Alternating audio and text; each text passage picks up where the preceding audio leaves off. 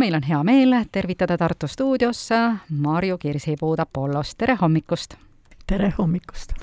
jälle neli raamatut kaenlajal stuudiosse jõutud ja alustame Tartu oma mehega või on ta nagu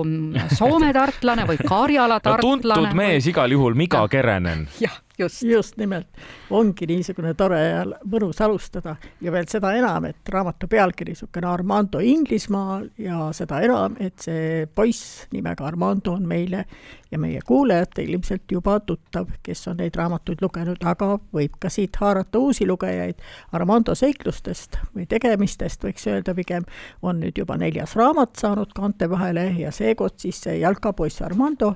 läheb Inglismaale ja koos klassikaaslastega koos ja esialgselt see on ju mõeldud neil kultuurireisina klassis, pole seal mõeldud, et hakatakse nüüd jalgpalliga midagi tegelema, aga ei, no kus sa siis Inglismaal sellest jalgpallist ikka kusagile eemale pääsed võib-olla seal ka jutust tuleb välja niisugust õpetajate skeptitsismi, ehk kas jalgpall on ikka selline asi, mis kuulub nii kultuuri ja kultuurireisi hulka, aga ka õpetajad peavad jutustuse lõpuks tõdema, tõepoolest sport ja jalgpall eelkõige on tõepoolest kultuuri lahutamatu osa.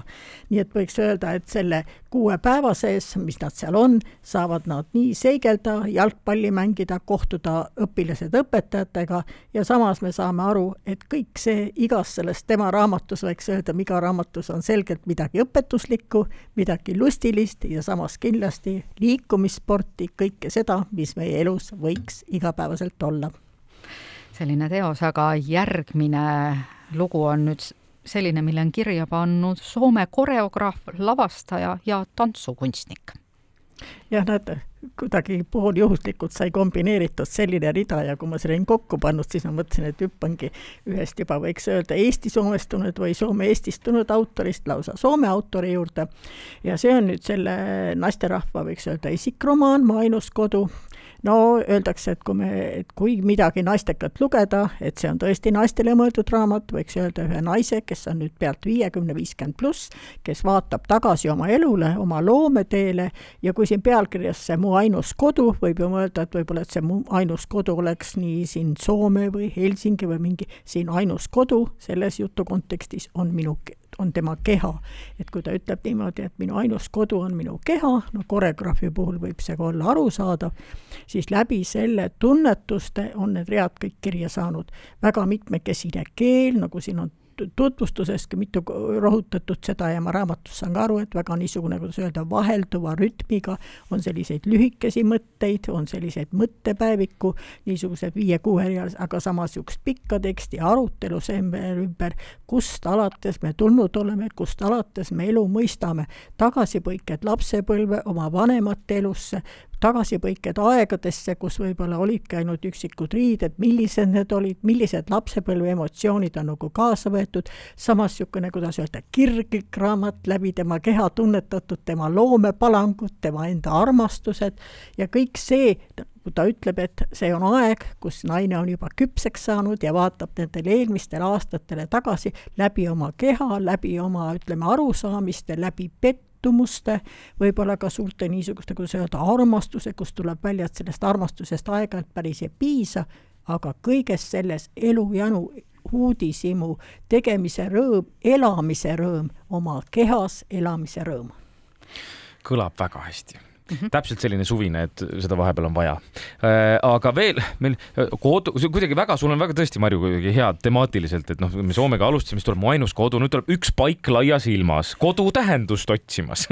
just nimelt, ma ei tea, kuidas, see oli muuseas niimoodi, et rida oli kokku pandud ja siis ma nägin, et selles on selge rütm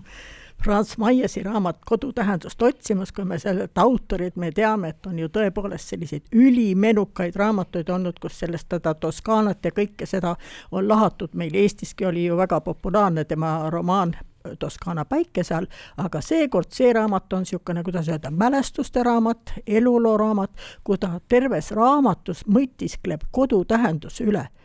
see oli niivõrd huvitavalt kirjutatud, et ühesõnaga, et autor ise nagu ütleb, et tegelikult, et tema arust võib-olla kodusse suhtumine väljendab üldse inimese olemust. ja ta seal arutab selle üle, et kus see kodu peaks üldse asuma ja kas see on alati ainult maja. et kas kodu tähendus on siis sul niimoodi, et kui sa hakkad kulgema kusagilt sealt noorusest ja jõuad vanemasse ikka, kas see on kivisse raiutud või on see ajas muutuva mõistega, et mismoodi saavad esmalt, nagu ta ütleb, otstarbega tõdusest pakuvad neli seina haakuda su siseeluga viisil, mis annab sulle tundeküllase taju, et nüüd oled tulnud koju, et mõtiskleda tagasi, et kui palju kordi te olete saanud üldse iseenda jaoks öelda, et istute kuskile maha ja tunnetate, ma olen jõudnud koju. Või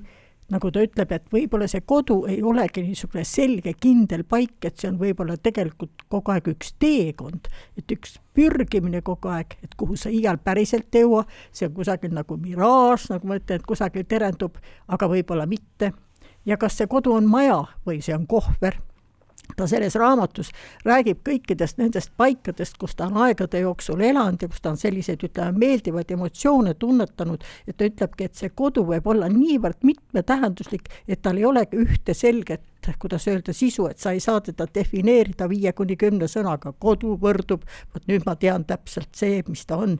hästi huvitavalt kirjutatud, et kellel on aega lugeda ja mõtiskleda ja üleüldse võikski aeg-ajalt, temal on niisugune ilmekas stiil, seal on ka retsepte, seal on enda nagu tunnetusi ja samas huvitavalt annab ta iga paigaga seoses hästi palju erinevaid lõhnu edasi, mis selle konkreetse paigaga tema jaoks seostuvad ja ja võib-olla loovadki sellised sellel kodul, nagu mina jäin ka mõtlema, et see ei saa alati olla see koht, kus me sündisime, aga see võib olla see koht, kus me esimest korda armastasime, võib-olla on see koht, kus me oma küpsuse aastaid veedame, mis on see kodu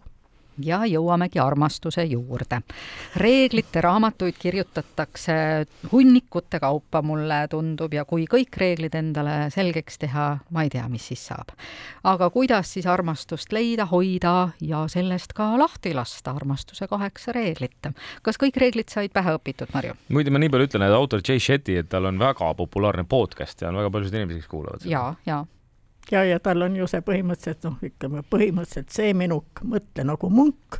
mis ongi siin Eestis olnud populaarne, mis on muus maailmas olnud populaarne, juba see oli niisugune, kuidas öelda, ilmutuslik juhend ja nii see samamoodi öeldakse selle kohta, et ilmutuslik juhend, see oli kerge lugeda.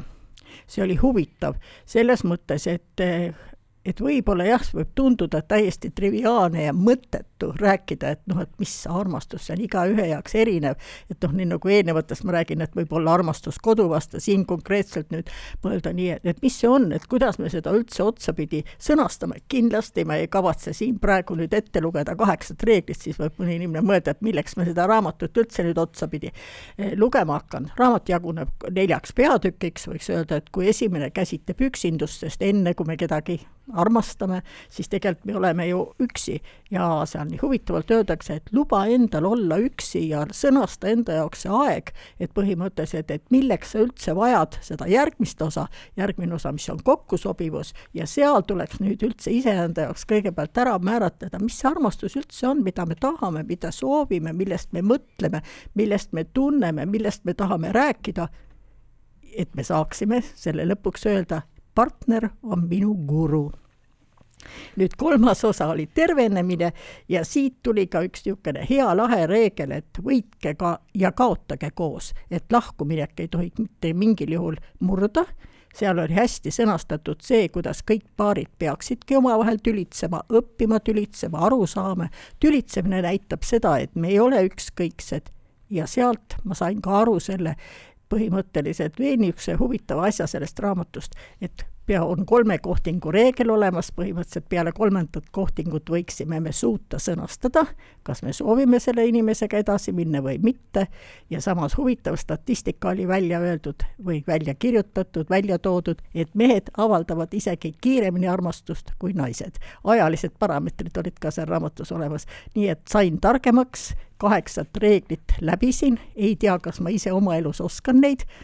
kuidas öelda, omaks võtta, maha jätta, mida teha, nii et ühesõnaga alati edasi ja olge valmis alati uueks armastuseks. ja sellele raamatule on lausa kodulehekülg tehtud, nii et kes nüüd tugevamat huvi juba tunneb asja vastu, siis inglisekeelne kodulehekülg on olemas. suurepärane, me muide armastuse teemaga jätkame juba järgmises tunnis ka, kui meile tuleb Tartu Armastusfilmide Festivali juht külla, nii et väga hea temaatiline üleminek. aitäh, Marju ja kohtume taas! kena päeva kõigile!